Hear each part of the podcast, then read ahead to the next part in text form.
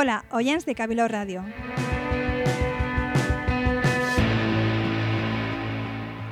Vaig aprofitar-me de dos notícies llegides durant aquestes setmanes a les xarxes socials per fer el programa d'avui.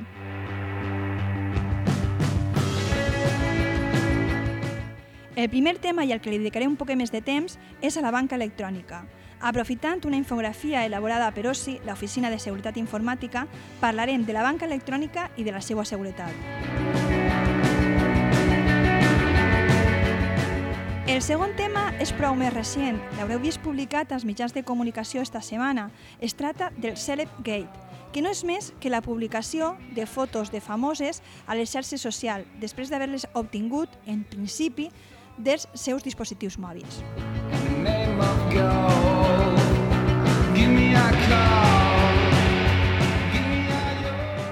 Després d'esta xicoteta introducció, anem a entrar en detall. Segurament fa uns anys molts no gastaven la banca electrònica, la miràvem en pol, però cada vegada més deixem d'anar a les oficines dels bancs i ens decidim a consultar els tractes per internet o a fer transferències. Accions que gràcies a la banca electrònica podem fer qualsevol dia i a qualsevol hora, sense tindre que fer cues ni ajustar-nos als horaris dels bancs.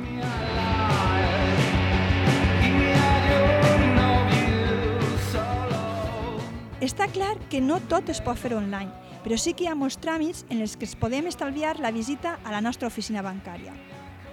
El problema és que moltes vegades eixa facilitat o quotidianitat en la que la gastem ens fa baixar la guàrdia i no pensar que és també un dels negocis més vulnerables i atacats per els ciberdelinqüents. Recordeu, esta gent busca aconseguir diners i per això van on hi ha, o siga, als bancs.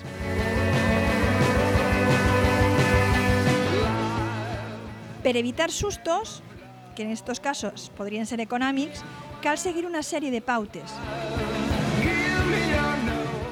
La primera, la pàgina web del nostre banc o el lloc on estem demanant les credencials per entrar estarà sempre baix un servidor web segur, és a dir, amb una adreça que comença per HTTPS.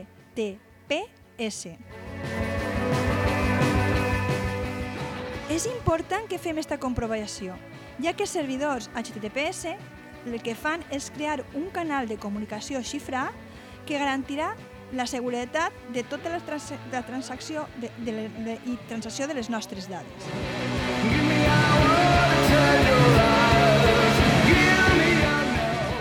La segona coseta, que pot semblar un poc pesat, perquè ja ho han dit moltes vegades, i, però tenim que recordar, cal mantindre actualitzat el sistema operatiu i els navegadors. Les actualitzacions són parxes que serveixen per resoldre falles errades que tenen els nostres sistemes operatius o els nostres programes i que el fan que siguin vulnerables.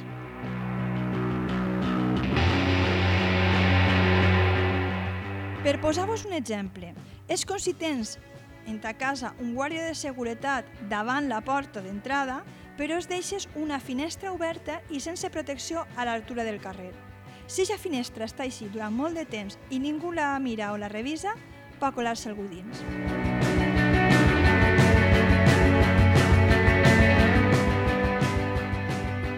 La tercera cosa té que veure amb les contrasenyes d'accés i les targetes de credencials. En primer lloc, no guardeu mai els navegadors, dins, eh, al navegador el vostre usuari i la contrasenya del sexe al banc. Millor tindre que ficar cada vegada eixos valors per entrar.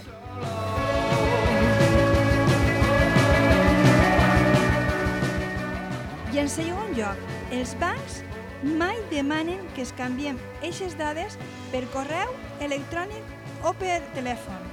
Així que ja podeu anar llançant a la paperera tots aquests correus que vos arriben dels bancs on demanen que, que doneu aquesta informació o que accediu a tal web per eh, fer un canvi d'usuari o de contrasenya. I si teniu dubtes, el millor que es pot fer és o bé cridar a l'entitat bancària o bé personar-nos a l'oficina. Millor mm, pecar de ser bobos que anar de llestos i que ens cuiden el compte bancari.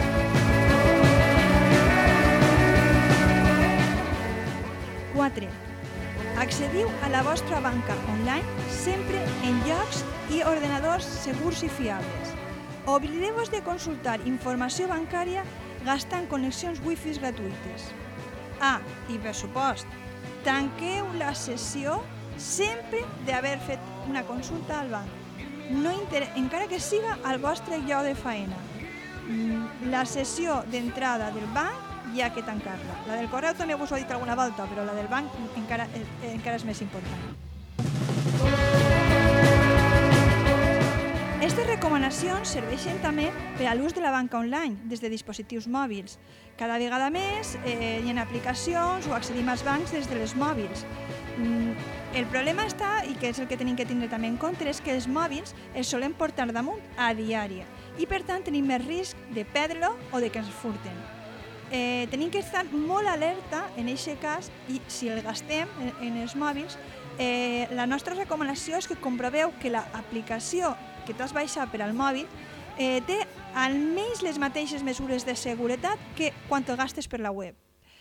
Per què vos ho comentem eh, esta raó? És que fa cosa d'un any i mig, a través d'un client, eh, van comprovar com es baixava una aplicació pa mòbil d'un banc nacional i eh, quan l'instal·lava li demanava un usuari de contrasenya.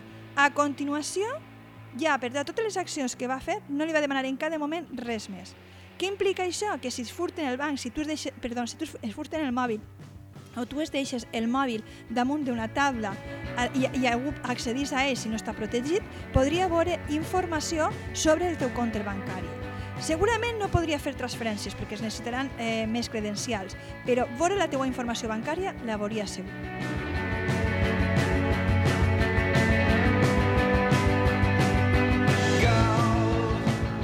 I ara ja, per acabar, el programa d'avui el que volíem parlar és de la publicació de les fotos d'actrius americanes, les fotos de certes actrius, crec que una, un centenar és el que s'ha dit, que han aparegut eh, sobretot eròtiques o nues completament elles eh, que s'havien fet per a ús privat i que s'ha vist publicat en foros i en xarxes socials. A dia d'avui, i també en part perquè el desenvolupador no ha deixat clar eh, per on s'ha pogut accedir a aquesta informació, eh, no, este, no, té, no està clar el que ha passat, però sí que saben certes coses. Aquestes actrius gastaven com a dispositiu mòbil l'iPhone.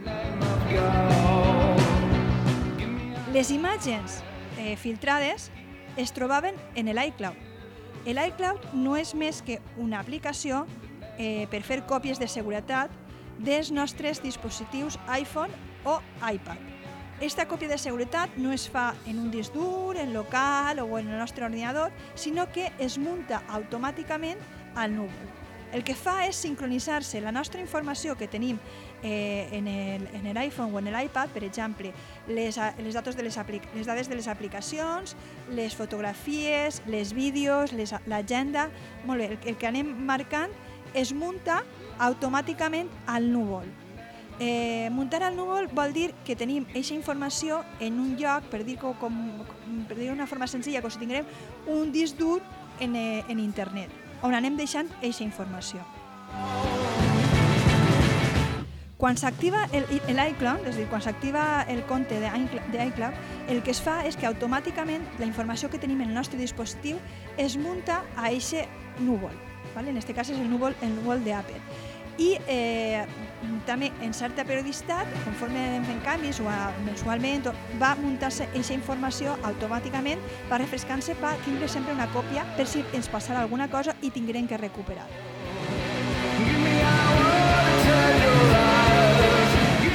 Altra cosa que sap també és que la informació que es munta a l'iCloud està únicament xifrada amb una clau, és a dir, la clau que tu tries del teu compte de, de, de l'iCloud, en el que és una, una mesura de seguretat un poquet feble, perquè si qualsevol pot arribar a conèixer la teua clau, podria accedir a aquesta informació. Lo habitual eh, en estos casos, eh, quan estem parlant de núvol o quan estem parlant de sistemes eh, en internet, és que es gaste una verificació en dos passos. Per un costat tindríem el nostre usuari i contrasenya d'accés a aquest espai o a aquesta aplicació i eh, s'activa una altra verificació que seria un còdic que normalment eh, es, es pot arribar a través d'un missatge curt al mòbil. Deixa, de la manera que no sols eh, la, si algú arribarà a obtindre la nostra clau, necessitaria tindre físicament el nostre mòbil per tindre aquest codi que li permetria accedir a aquesta part. Give me a call. Cosa que també s'ha pogut verificar és que l'atac no va ser realitzat de forma massiva, sinó que els ciberdelinqüents van triar a les seues víctimes. Es van centrar en famoses que gastaven aquests dispositius per després afinar la forma d'obtindre aquestes credencials. Eh, ahí sí que hi ha mm, eh, diverses, eh, diverses postures per, per obtindre aquesta informació, pues, des de eh, de, de provar usuaris i contrasenya de forma eh, aleatòria, és dir, a, a, el que se coneix atacs en diccionari de força bruta, o a través d'enginyeria social, a través de phishing, correus suplantant la identitat d'Apple per fer-te canviar la contrasenya. Com esteu comprovant, eh, encara que jo al començament ha dit que ha sigut l'accés a informació, fotografies eh, al mòbil, no s'ha tractat en cada moment d'un accés físic al mòbil, sinó que s'ha accedit a la informació en el núvol.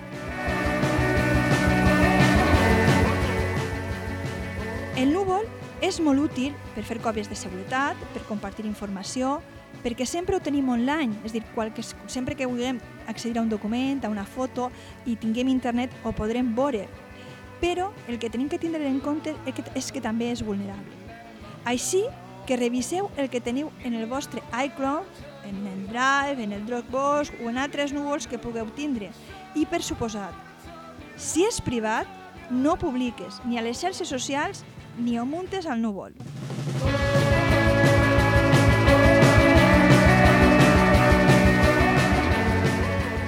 Moltíssimes gràcies per estar a l'altre costat escoltant-nos i al pròxim programa parlarem de la navegació anònima per internet.